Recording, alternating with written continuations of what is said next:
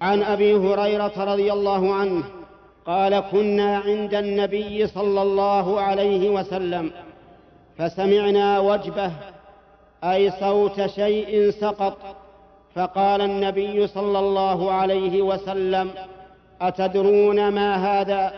قالوا الله ورسوله أعلم. قال حجر أرسله الله في جهنم منذ سبعين خريفا. يعني منذ سبعين سنة فالآن حين انتهى إلى قعرها أخرجه مسلم.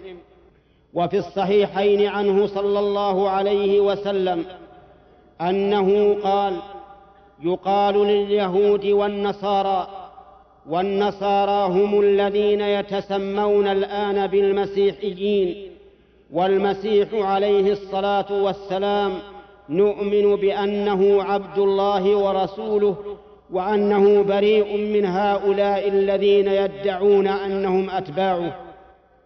يقول النبي صلى الله عليه وسلم يقال لليهود والنصارى ماذا تبغون؟ فيقولون عطشنا ربنا فأسقنا. فيشار إليهم ألا تردون؟